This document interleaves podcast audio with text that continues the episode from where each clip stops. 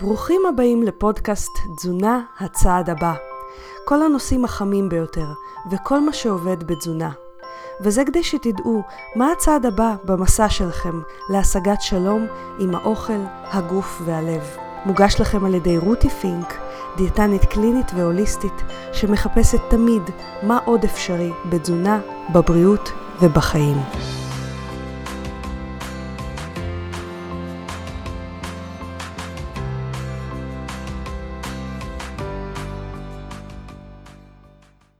היי חברים, רותי כאן.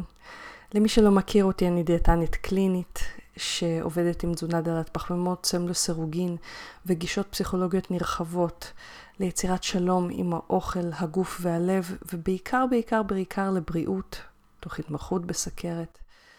הפודקאסט הזה מוקלט לפני הבחירות, ואתם שומעים את זה כבר אחרי שתוצאות הבחירות בטח אה, התפרסמו, לפחות חלקית. אני נורא סקרנית לדעת את מה שאתם יודעים כשאתם שומעים את זה כבר, כי אני בעצם בעבר. עוד לא יודעת מה תוצאות הבחירות, אבל אני מקווה שהתוצאות ייטיבו עם כולנו. כמה עדכונים ממני, אני בשלבים האחרונים של בניית הקורס השלם אכילה לסירוגין לבריאות והרזייה, שידבר בעצם על צום לסירוגין, על כל הטיפים והטריקים והשטיקים שאני משתמשת בקליניקה ושחשוב לדעת כדי לעשות אותו נכון.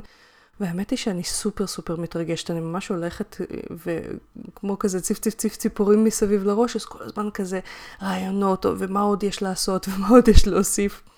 אה, ואני יודעת שאני מדברת על זה המון בפודקאסטים האחרונים, אבל זה כי זה באמת המון המון עבודה, וכי אני באמת באמת לא רוצה להשמיט אף פרט שיכול לעזור לכם לקבל את כל התכלס של איך לעשות את הצום לסירוגין הזה.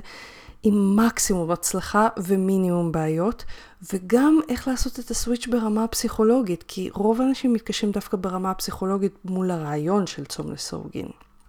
אז אם אתם רוצים לשמוע על זה יותר, אתם ממש מוזמנים להשאיר פרטים בלינק למטה או בהערות של הפודקאסט, ואתם תקבלו מחיר, כל מי שמשאיר פרטים. אה, מקבל כמה ימים לפני שאני באמת משיקה את הקורס, לפני שהקורס נולד סוף סוף ויוצא לאוויר על העולם. אתם תקבלו מחיר ממש טרום השקה שיהיה נמוך ממחיר ההשקה, שהוא גם יהיה נמוך מהמחיר הסופי. אז בקיצור, תקבלו את המחיר הנמוך ביותר שאי פעם יהיה לקורס הזה כנראה, ואתם תקבלו אותו אפילו כמה ימים לפני ההשקה עצמה. בזה אני מסיימת את הנושא על הקורס להיום. והיום אנחנו נדבר על שאלה שעלתה באחד הפורומים שאני עונה בהם, דווקא לא קבוצה שלי, ממש החלטתי לעשות מזה פרק שלם של פודקאסט, כי אני חושבת שיש הרבה חוסר הבנה בעניין הזה, ואני חושבת שאם אני אבהיר את הדברים, אני חושבת שזה יתרום לרבים גם להסתכל בצורה שונה על כתבות ומחקרים, וגם uh, להסתכל בשו, בצורה שונה על כל מיני מומחים מטעם עצמם בפייסבוק. אז ככה. השאלה, שאלה שמאוד מצאה חן בעיניי, השאלה הייתה בערך כזאת, למה משרד הבריאות לא ממליץ על תזונה דלת פחמימות, קטוגנית וצום לסירוגין לכל האנשים, אם היא כל כך טובה? הרי זה מונע סוכרת, התקפי לב, שבץ וסרטן. אני ממש רוצה לתת לכם את התמונה הגדולה של הלמה. גם בתור מישהי שעברה סטאז' במשרד הבריאות, בין היתר דיאטנית עוברת סטאז' בין יתר התחנות במשרד הבריאות. כלומר, ראיתי את המערכת מבפנים, ויוצאת מהמערכת לא כי המערכת רעה אליי, אלא פשוט כי יש לי דברים אחרים אה, שאני רוצה עוד לעשות במקביל. ככה, יש לי, אני חושבת שיש לי גם את המבט שלה מבפנים וגם את המבט של, של מבחוץ כיום. מטעם זה שאני מתעסקת עם נושא שהוא כאילו לכאורה שולי ו, ולא בקונצנזוס של משרד הבריאות. אז בואו נתחיל מזה שנסתכל בעצם איך ניתנות ההמלצות לתזונה ואיך הן נוצרות ואיך משרד הבריאות עושה אותן ואיך בכלל אנחנו מתייחסים למחקרים בתזונה. כי זה חתיכת נושא שאנחנו הולכים לצלול לעומק ואל תדאגו, אני אסביר את זה בצורה פשוטה, מובנת, אבל שתיתן לכם את התמונה של כמה התמונה היא כל כך לא שחור או לבן. אז בואו נתחיל עם זה שבעבר ניתנו המלצות לתזונה דלת שומן וניתנה פירמידת המזון. כולם מכירים את זה, או לפחות הרוב. וההמלצות על תזונה דלת שומן הן לא היו מספיק מבוססות. מה זה אומר? שבעבר כשההמלצות האלה נוצרו, אנחנו באמת ידענו פחות על עולם התזונה. כי תכלס, מחקר בתזונה הוא מחקר די צעיר ביחסית לתחומים אחרים ברפואה. עצם מקצוע התזונה קיים, אם אני לא טועה, בארץ לפחות משנות ה-70. למה? כי כמות המחקרים הייתה נמוכה אז. אני מדברת על התזונה הקלינית, ומה זה תזונה קלינית? בעצם זה תזונה שמבוססת על מחקרים. אז אם המחקרים התחילו יחסית לא ממזמן, בערך לפני 100 שנה, בערך, אז המחקרים שאני אדבר אליהם, שאנחנו מתייחסים אליהם כמחקרים מדעיים, כי מחקר, האנושות חקרה לאורך כל שנות התקיימותה את העולם מסביבה, אבל יש סיסטמה מסוימת, יש תבנית מסוימת שבה מתבצע מחקר מדעי בשביל למנוע הטיות רגשיות ועוד כל מיני דברים שאני תכף אדבר עליהם, אז המחקר הזה בתזונה הוא נורא נורא צעיר.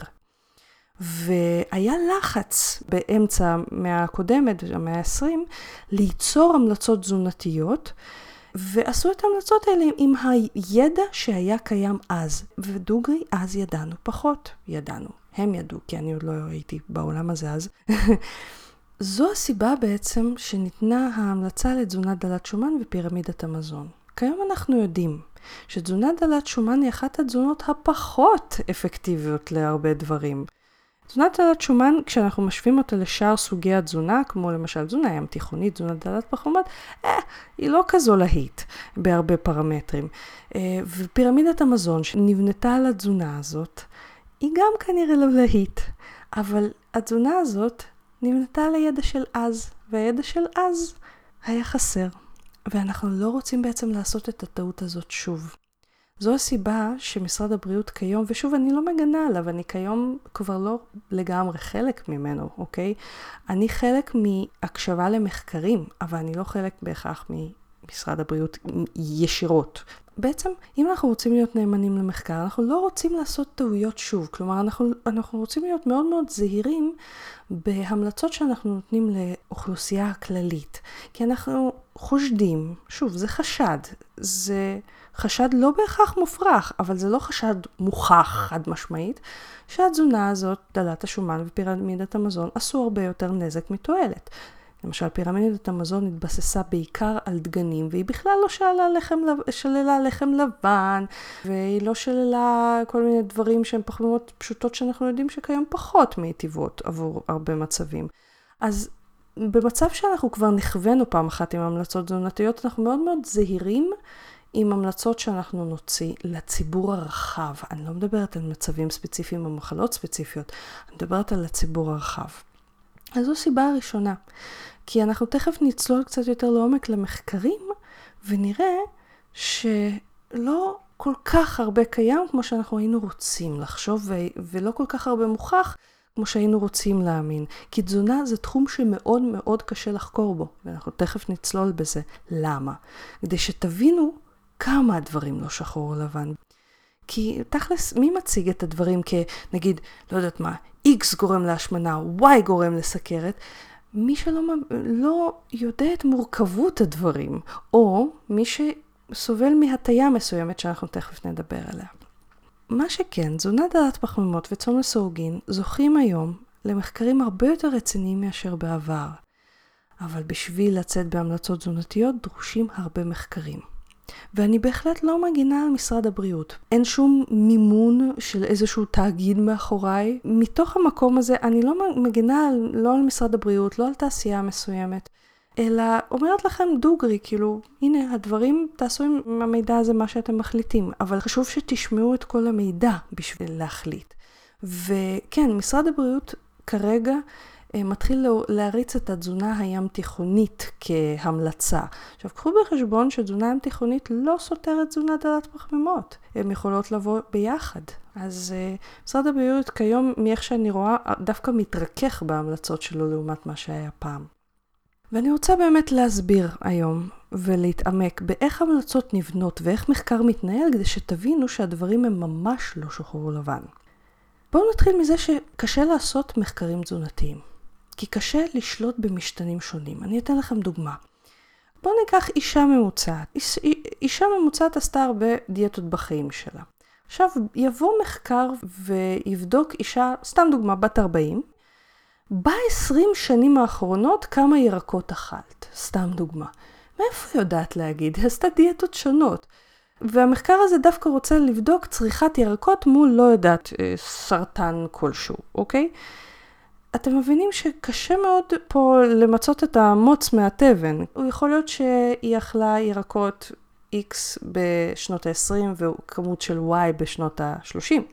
יכול להיות שהיא צרכה מדי פעם ירקות ומדי פעם בכלל לא. ואיזה מין תשובה היא יכולה לתת על הדבר הזה? ונגיד שהיא יכולה לתת תשובה סופר מדויקת. ונגיד שנמצא קשר בין הסרטן מהסוג שלה לבין uh, כמות הירקות. מי אמר שזה כמות הירקות? אולי זה ירק, אותו ירק שהיא צרכה ספציפית כל יום דווקא, ולא כמות הירקות. אתם מבינים? התזונה היא ערב רב של דברים, היא ערב רב של חומרים. זה לא רק פחמימות חלבונים ושומנים, זה המון ויטמינים, המון מינרלים, המון נוטריאנטים אחרים שמשפיעים כל אחד מהם בנפרד ומשפיעים בסינרגיה, בהשפעה אחד גם על השני ועל ידי כך יצירת אפקט עוד יותר חזק או יותר חלש דווקא. אז אנחנו בעצם מדברים במחקר התזונתי על מערכת מאוד מאוד מורכבת של משתנים שמאוד קשה לשלוט בהם. ולכן המחקר התזונתי הוא לא הכי, חוד הכי מחודד בקלמר המחקרים. אני אומרת לכם דוגרי, עם כל הכבוד שיש לי למחקרים, ועם כל ההסתבכות שלי והחפירה שלי והקריאה שלי והאהבה שלי למדע ולמחקר. עם כל זה שאני באמת באמת אוהבת לקרוא מחקרים ומתעמקת בהם, וזה ממש כיף לי, הדבר הזה, עם כל זה, אני אומרת לכם, המחקר התזונתי הוא אחד המורכבים ביותר, הרבה יותר פשוט למצוא אם תרופה אחת עובדת על חיידק מסוים, או אם תרופה אחת עובדת על חומר מסוים בגוף, מאשר לבודד את המשתנים בתזונה שמשפיעים על מחלה X או מחלה Y.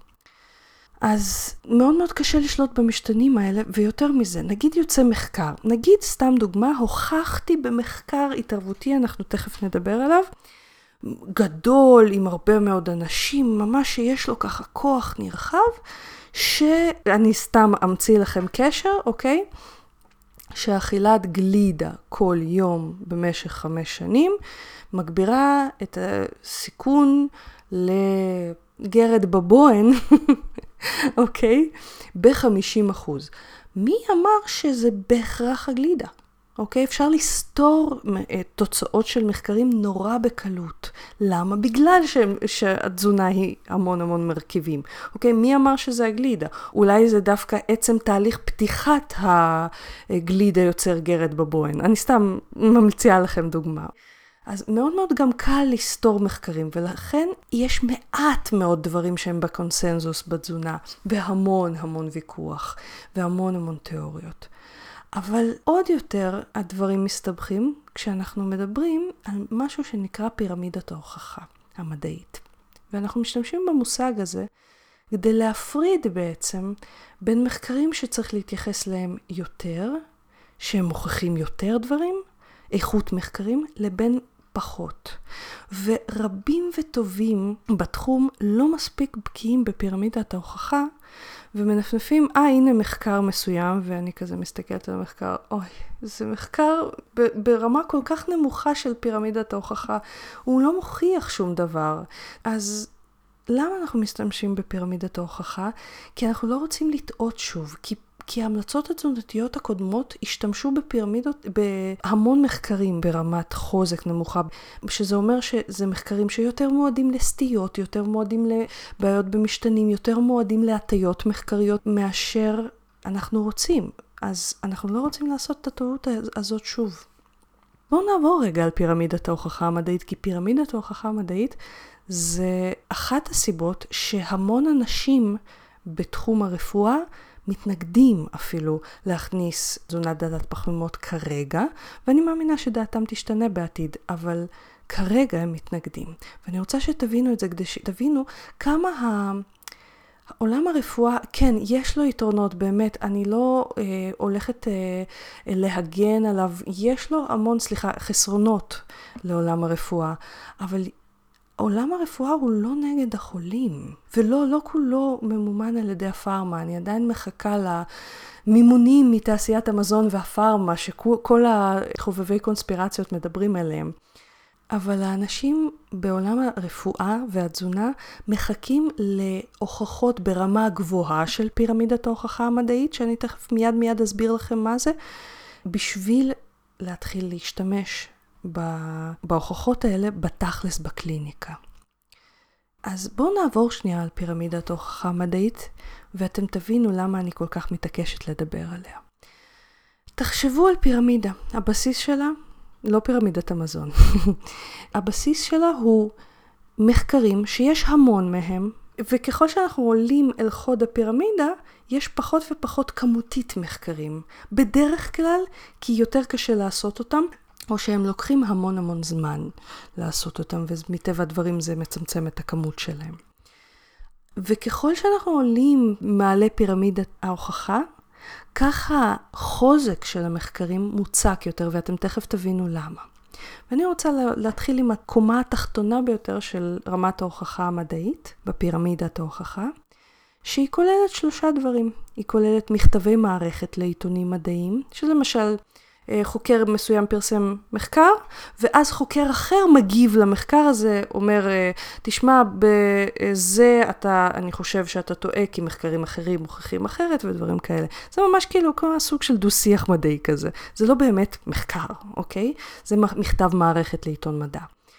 משהו נוסף שנמצא באותה קומה זה כתבות דעה. למשל, אם אני אפרסם את דעתי האישית, נגיד אני אהיה פרופסור, אה, פרופסור פינק, אני לא, כן? אבל אה, אם אני אהיה פרופסור פינק ואני אפרסם את דעתי על תזונה דלת פחמימות, זה נורא נחמד, אבל זה דעה. מה הבעיה בדעה? דעה מושפעת מרגשות, דעה מושפעת מנקודת המבט שלנו. אני אתן לכם דוגמה, אתם מכירים את זה שהתחלתם ללמוד נהיגה ופתאום בכל הרחוב מלא בלמדים? או אתם משוכנעים ש... שהעולם הולך להרס ואתם פתאום מתחילים למצוא מלא מלא הוכחות לזה, זה עיוות שהוא עיוות קוגניטיבי, וכולנו, כל בני אדם, אנחנו ניתנים לעיוות קוגניטיבי, והסיסטמה של מחקר מדעי נועדה כולה בשביל להפחית כמה שיותר את העיוות הקוגניטיבי הזה. כי מן הסתם הוא, הוא ישפיע על ראיית העולם של המדען. אז כתבת דעה, נגיד אני נורא תומכת בתזונה דלת פחמימות, אז אם אני אכתוב, אפילו שמי פרופסור פינק, ואני אכתוב את דעתי על תזונה דלת פחמימות, מי אמר שמה שאני כותבת לא מושפע מהדעה שלי ומהשכנוע שלי שתזונה דלת פחמימות כל כך טובה. יכול להיות שבגלל העיוות הקוגניטיבי הזה, ששוב, גם המדענים הטובים ביותר חוטאים בו, מי אמר שאני לא, סתם דוגמה, בחרתי רק לראות ולציין רק את המחקרים שתומכים בדעה שלי, והתעלמתי, שוב, בלי כוונה אפילו, בגלל עיוות קוגניטיבי, כי אני בן אדם, התעלמתי ממחקרים שהם uh, סותרים את הדעה שלי, אוקיי? אז בגלל זה כתבות דעה הם לא מקור מוסמך להוכחות מדעיות. הם משהו כזה לקרוא, לקחת בחשבון. ובאותה קומה נמוכה, שאתם זוכרים, יש המון מהדברים האלה בספרות המדעית, אבל מעט משקל. ברמה הנמוכה קיימים תיאורי מקרה. למשל, אני אתן לכם, פעם ראיתי תיאור מקרה של אדם שחי בלי אוכל ובלי מים במשך שלושה חודשים והוא היה בריא לגמרי, איזה נזיר יוגי. מדהים בעיניי, מדהים. עקבו אחריו, אחרי הגוף שלו, הוא בקושי הטיל צואה, הוא בקושי הטיל שתן. משהו מדהים, וראו שהמצב הרפואי שלו לא השתנה. זה תיאור מקרה. מה כוחם של תיאורי מקרה? הם נותנים קודם כל כיוון למחקר. כי אם אחד הצליח, אולי כמה מצליחים, אולי יש לזה דווקא יתרונות רפואיים כלשהם, אוקיי? אבל למה אי אפשר לסמוך על תיאורי מקרה במיוחד, גם אם הם רבים? כי כל תיאורי המקרה, ברגע שיש לי משהו מיוחד בקליניקה, אני ארצה לכתוב על זה תיאור מקרה. אבל זה המשהו המיוחד הזה שזוכה לתיאורי מקרה. כי זה יכול להיות, סתם דוגמה, כל מיני מזליסטים, כל מיני freaks of nature, או אנשים עם ייחוד גנטי, או אנשים שיכול להיות שעשו משהו שכן צריך לחקור, וזה הכוח של תיאורי מקרה, וכבודם במקומם מונח. אבל תיאור מקרה הוא לא מחקר מדעי שמאפשר להגיע למסקנה כלשהי. זו למשל אחת הבעיות שלי כיום עם תזונה קרניבורית. קרניבורית, אני מדברת, מבוססת רק על מוצרים מהחי. היא נורא תופסת תאוצה בעולם הדל פחמימות. אבל קיימים עליה אפס מחקרים שהם לא תיאורי מקרה. קיימים עליה יותר ויותר תיאורי מקרה, שזה מהמם, אבל זה הרמה הנמוכה ביותר של uh, הוכחה מדעית. זה לא מוכיח שום דבר, זה מוכיח שצריך לחקור את זה. ואני בטוחה שיחקרו את זה בהמשך בשנים הקרובות. ואם uh, אני אצטרך לאכול את הכובע ולהגיד שתזונה קרניבורית היא מדהימה, אני אשמח לעשות את זה. אבל אני חוששת. להשתמש למשל בתזונה קרניבורית כמשהו להמליץ עליו לטווח ארוך, כי יכול להיות שיש לזה איזשהו נזק שאנחנו לא יודעים. מי יודע? כל מי שעושה תזונה קרניבורית כיום, הוא אה, הולך על אדמה בתולית, שאנחנו לא יודעים אם היא טובה או רעה, אוקיי? ואולי נהדרת, ואולי מזיקה מאוד, אנחנו לא יודעים. אז זה הקטע עם תיאורי מקרה. ולכן כשאתם מסתכלים במחקר מדעי ואתם רואים שזה case report, שזה תיאור מקרה באנגלית, תגידו, אוקיי, מעניין, ותמשיכו הלאה. כי זה לא מוכיח שום דבר. ראיתי למשל קייס ריפורט על אה, ילד של 19 חודשים, אה, אחרי שגילו לו סכרת סוג אחד, הוא היה 19 חודשים בתזונה קטוגנית קרניבורית, והסוכר שלו אוזן לחלוטין תוך שהוא ירד מאינסולין. זה מהמם. מי אומר שזה בהכרח התזונה הקרניבורית עשתה את זה? יש משהו שנקרא ירח דבש. היו לי מטופלים שבלי שום תזונה קרניבורית, בלי שום שינוי תזונתי, ירדו לחלוטין מאינסולין לשנתיים שלוש. אז מי אמר שזה בכלל בגלל תזונה קרניבורית? ויכול להיות שזה כן, שלא תבינו אותי לא נכון, אבל זה למשל כיוון נהדר לחקירה, אבל עוד לא נחקר, אז הקייס סטאדי הזה, התיאור מקרה הזה, הוא מרתק, אבל הוא לא מוכיח שתזונה קרניבורית בהכרח עשתה את זה. אז זה הדבר הנמוך ביותר בפירמידת ההוכחה המדעית. וכשאתם מספרים, אה, ah, אח שלי עשה לא יודעת מה, ניתוח בריאטרי, תזונה דלת פחמימות, תזונה קרניבורית, תזונה טבעונית, והוא ירד הרבה במשקל, או כל הגורוז האלה של הבריאות שאומרים, אם אני הצלחתי, אז גם אתם יכולים? אולי הוא case study, אה, אולי הוא תיאור מקרה, אולי הוא freak of nature שהצליח, אוקיי? אני כן מאמינה שאם מישהו אחד הצליח, אחרים יכולים, כי אני מאמינה שאם משהו אפשרי בעולם, אז זה אפשרי עבורך. אבל אה, צריך לקחת את זה גם בפרופורציות של אה, המגבלות הפיזיות של העולם, אוקיי?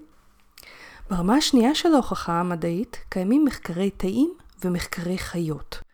אם נגיד אני רוצה להוכיח שלמשל B1 מרפא סרטן רחם, אוקיי? מחקר תאים יהיה לקחת תאי סרטן רחם ולתת להם כמויות משתנות של B1 ולראות אם נגיד הם מתו, וואלה, יש לי פה מחקר מעניין שמוכיח שבתנאי מעבדה B1 הורג תאי סרטן, אה, רחם.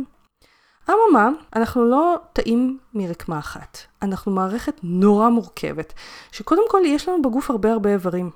ויש לנו הרבה הרבה דברים שמסתובבים בדם שיכולים למשל, סתם דוגמה, להפריע לפעילות של B1. יכול להיות נגיד ש... B1 נגיד בכמות של, סתם דוגמה, אני שוב זורקת, שקול ל-100 מיליגרם ביום אצל אדם, ירפא סרטן רחם. וזה לא אומר שאם אני אתן לאישה 100 מיליגרם של ויטמין B1 לאישה עם סרטן רחם כל יום, שהיא תתרפא מסרטן. כי יכול להיות שיש בדם שלה המון דברים שמפריעים לספיגה של B1, שמפריעים לפעילות של B1, שבכלל ה-B1 הזה לא מגיע בכלל לתאי הרחם. אז זה החיסרון של מחקר תאים, וזה יתרון בעצם של מחקר בחיות. חיות הן כבר מערכת מורכבת. עכשיו, אני לא נכנסת לעניין של האתיקה של מחקרים בחיות, אני מדברת נטו ברמה של היתרון שלהם על פני מחקרי תאים. לא בכל דבר צריך לחקור חיות, אבל חיה היא כבר יצור מורכב, ואם אני אתן סתם דוגמה לחיה כמה שיותר קרובה לנו ביולוגית, שעכברים הם חיה נורא נוחה למחקר כזאת, אם אני אתן לה בי אחד, ואני אראה שוואלה, גם אצלה זה מרפא תאי סרטן אה, רחם, יש לי פה כיוון שאני אומרת, וואלה, אולי שווה לחקור לי את זה בבני אדם. אבל אני לא יכולה, נגיד, ממחקר של חיות, להשליך על בני אדם, כי וואלה, בפעם האחרונה שבדקנו, עכברים הם לא בני אדם. כן, יש המון המון מסלולים מטאבוליים דומים בין חיות שונות לבין בין בני אדם, אבל אנחנו לא אתן לכם דוגמה, אצל חלק מהחיות, תזונה קטוגנית יוצרת כבד שומני. אצל בני אדם אנחנו רואים שזה דווקא משפר כבד שומני, אוקיי? אז זה כל מיני דברים שהם שונים בינינו לבין אה, חיות. ולכן אי אפשר לסמוך על זה במיוחד, אבל זה כבר מערכת מורכבת שאנחנו יכולים לחקור. אז אלה היו רמות מאוד מאוד נמוכות של הוכחה מחקרית. ברמה השלישית יש לנו כבר את הרמה הראשונה שאנחנו חוקרים בני אדם וזה מחקרי חתך. כאן זה כבר חוקרים בני אדם, זה כמו סקר. סוקרים אוכלוסייה של עיר שלמה, למשל כמה ביצים נאכלים בה ביום על ידי אנשים וכמה כרגע שיעור הגירושים, ועלולים למצוא קשר.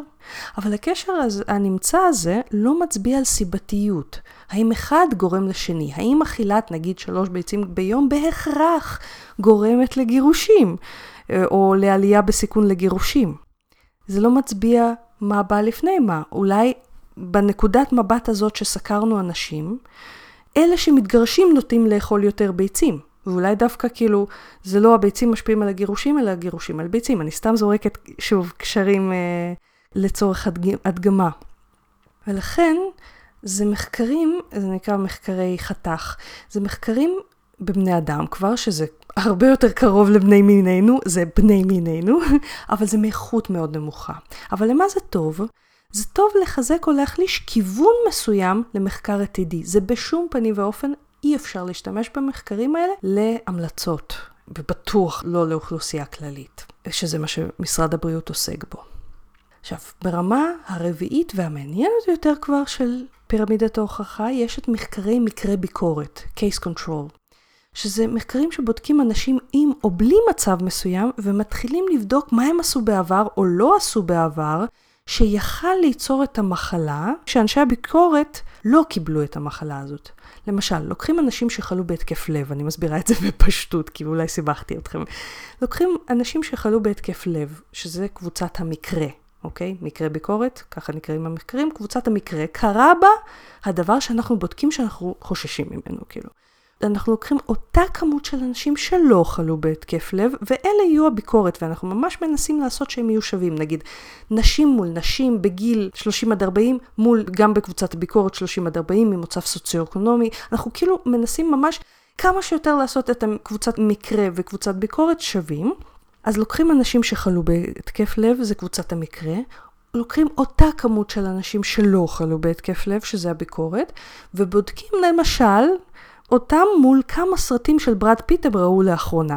ואם מגלים שאלה שחלו בהתקף לב ראו נגיד יותר סרטים של ברד פיט, אז אומרים במחקר שנמצא שהסיכון של אנשים שצורכים נגיד שלושה סרטי ברד פיט בשנה לחלות בהתקף לב עולה נגיד ב-50%, אוקיי? אבל רגע, האם זה אומר שבהכרח סרטי ברד פיט גורמים להתקף לב? לא. זה יכול להיות קשר מקרי. זה יכול להיות קשר בכלל דרך גורם שלישי, שנקרא ערפלן, שהוא כאילו מערפל את התוצאות. למשל, שבכניסה לכל סרטי ברד פיט מוכרים פופקורן מיוחד עם שומן טראנס שבאמת מגביר את הסיכון, כי זה אנחנו כן הוכחנו.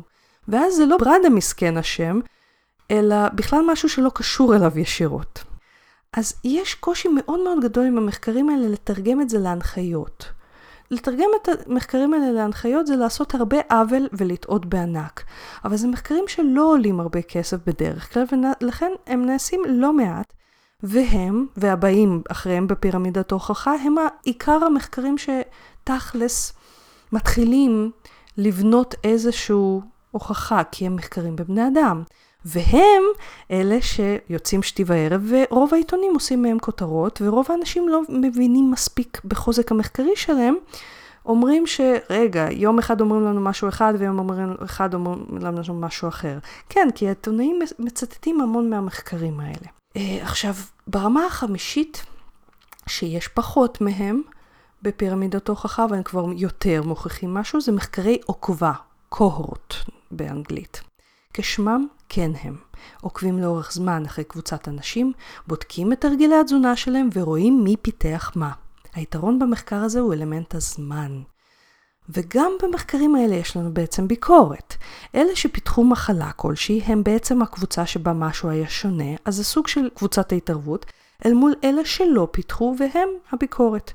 ומשתמשים בשאלונים במחקרים האלה, ולשאלונים האלה יש המון חסרונות. זה למשל, כמה מנות בשר של, סתם דוגמה, 100 גרם אכלת בש, בחודש האחרון לשבוע, אוקיי? מאיפה אני זוכרת כמה? אני, אני באמת, אני דיאטנית, אני באמת שמה לב למה שאני אוכלת, אבל אני בעצמי קשה לי לענות על השאלה הזאת.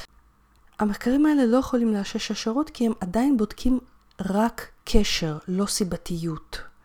הם לא ממש מתערבים בנבדקים בשביל לבדוק השפעה של משהו, אלא שוב מחפשים רק קשר.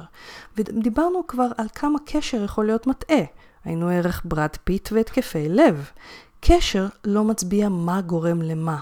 אם מצאתי קשר בין התקפי לב למשל לשומן רווי, האם בהכרח השומן הרווי גורם להתקפי לב? יכול להיות שדווקא מי שצורך שומן רווי הוא גם מעשן וגם אוכל יותר ממתקים ואולי דווקא זה גורם להתקף לב. אתם מבינים? יש פה המון ערפלנים בעניין. למה מחקר כזה כן טוב? לסתירה של השערות. למשל, אם אני משערת שמי שאוכל שומן רווי צריך למות יותר מהתקף לב במחקר או לחלות בהתקף לב במחקר, ואני לא מוצאת קשר כזה, אז יש סיכוי שההשערה המחקרית שלי לא נכונה. כי כשדבר אחד גורם לשני, בטווח זמן מסוים הם אמורים לבוא ביחד. כלומר, זה לא הגיוני ששומן רווי יגרום להתקפי לב, כשאנחנו לא רואים שנגיד אדם, סתם דוגמה, שמעולם לא אכל שומן רווי בכמות גדולה, יחלה בהתקף לב. וקוהורט מחקר העוקבה בודק כבר את אלמנט הזמן פה, אז זה יכולה להיות אופציה טובה לסתור השערות, כי הם כן שני הדברים שגורמים אחד לשני צריכים לבוא בטווח זמן מסוים ביחד, ופה אלמנט הזמן זה מה שאנחנו גם עובדים עליו. עכשיו ההמלצות שבנינו עליהן בעבר של הפחתת השומן ואכילה דלת שומן התבססו ברובן על מחקרים כאלה ולצערנו זה עדיין חלק מהמחקרים שמתבססים עליהם וזאת הייתה הטעות הגדולה של ההמלצות הקודמות. כי כשתשמעו את השלבים החשובים ביותר בפירמידת ההוכחה, תבינו כמה הם חסרים כיום במחקר על תזונה דלת פחמימות. אז ברמה השישית, מחקרי התערבות מבוקרים, וזה כבר פעם היה, זה היה הגולד סטנדרט, כיום יש לנו משהו אפילו יותר חזק, אבל מחקרי התערבות המבוקרים זה מה שאנחנו רוצים לראות כדי אשכרה להתחיל ליישם משהו בקליניקה. וכאן אנחנו לוקחים קבוצת בני אדם ואשכרה מתערבים להם בצורה מבוקרת בתפריט או באכילה או באורח החיים, ובודקים מה התוצאה של ההתערבות מול קבוצת ביקורת, שאו שלא מקבלת את השינוי הזה, את ההתערבות שאנחנו עושים, או מקבלת פלסבו.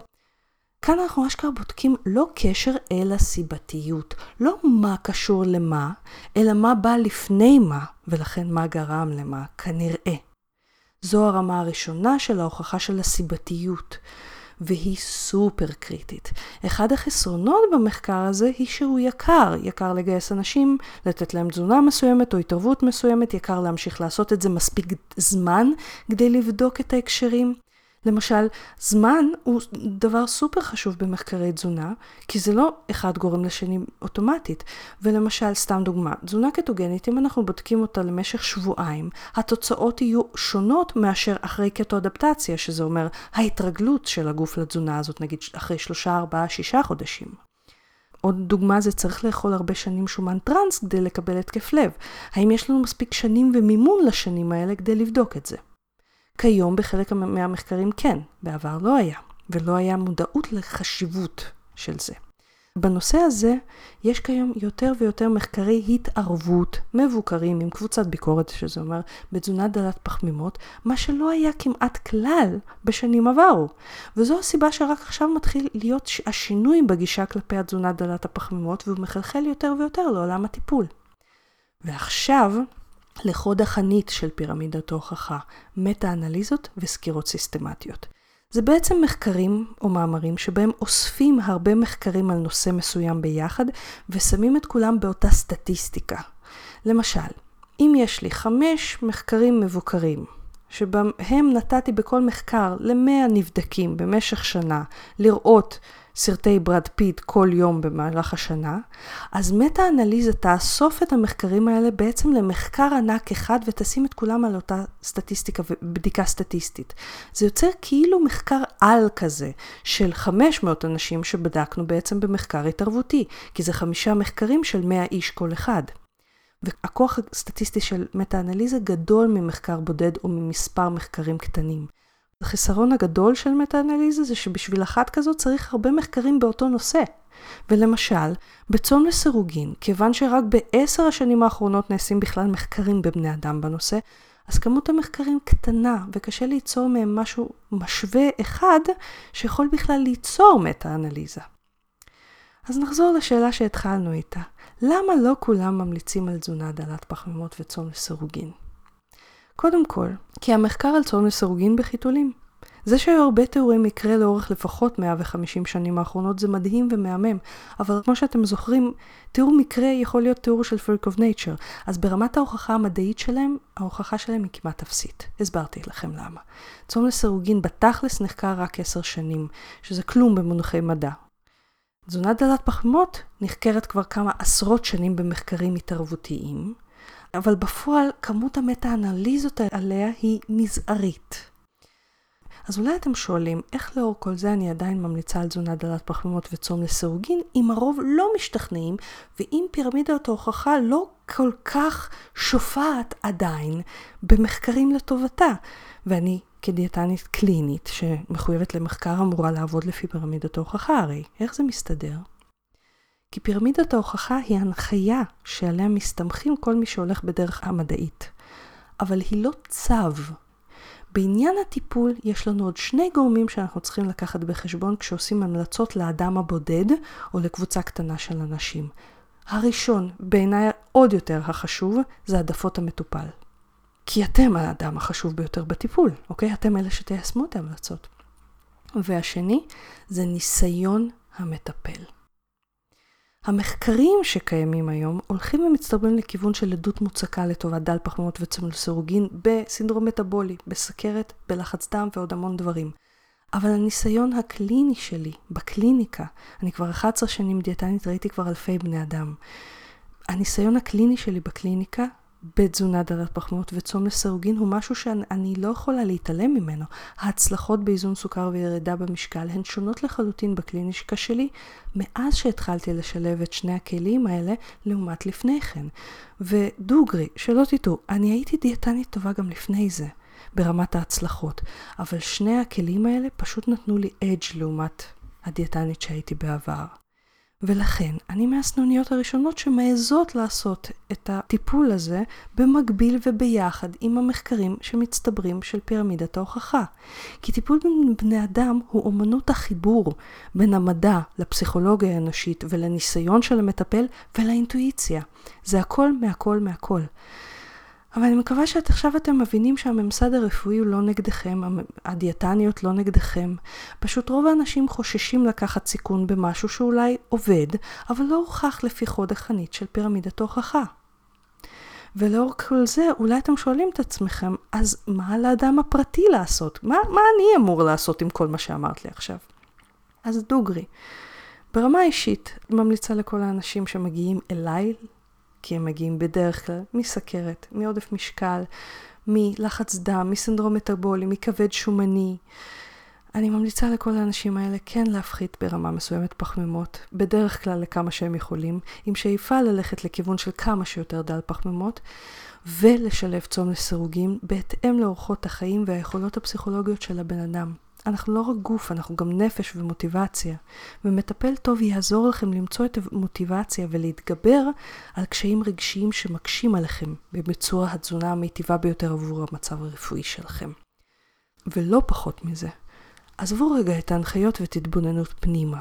לימדו להקשיב לשפת הגוף שמדבר אל, אליכם כדי להימנע מנזק לגוף.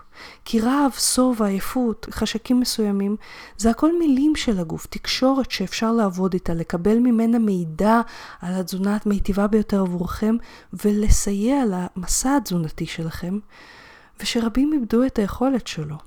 אז אם גם אתם איבדתם אותה, אתם ממש מוזמנים לקורס שלי לרזות בשפת הגוף, שבו אני מלמדת בדיוק איך להשתמש בסימנים של הגוף, איך לזהות אותם מדויק, רב, סוב, ואיך מזהים אותם במדויק. ויש לינק למטה, או בהערות של הפודקאסט, שאתם יכולים לגלות את הקורס הזה, כדי להתחיל לגלות מה הכי מיטיב עבור הגוף הפרטי שלכם. אז אני מקווה שנהניתם מהפודקאסט היום. אם אתם רוצים להיות בקשר או לשלוח שאלות לפודקאסט, אתם ממש מוזמנים לבקר באתר של הפודקאסט rutifink.com, פינק כמו F כמו פנטזיה, rutifink.com/פודקאסט. אתם גם מוזמנים לחפש אותי ביוטיוב, יש לי ערוץ מלא בסרטונים על תזונה דלת פחמימות וצום לסירוגין, פשוט חפשו רותי פינק ביוטיוב. יש לי גם ערוץ באינסטגרם, פשוט חפשו רותי פינק באנגלית, שוב F כמו פנטזיה. אתם ממש מוזמנים לעקוב אחריי גם בפייסבוק. אתם יכולים לחפש אותי פשוט בעברית, רותי פינק, או להיכנס לאחת משתי הקבוצות שאני מנהלת, דלי פחמימות ישראל, והקבוצה צום לסירוגין עם רותי פינק. ואנחנו נשתמע שבוע הבא. תודה שהקשבתם לפודקאסט תזונה הצעד הבא. אני מקווה שנהניתם. חשוב להדגיש שהמידע בפודקאסט מוענק לצורכי העשרה בלבד, והפודקאסט לא מהווה בשום צורה תחליף לייעוץ או טיפול אישי. בכל בעיה רפואית או נפשית יש לפנות למטפל מוסמך, ואנחנו ניפגש שבוע הבא. ביי.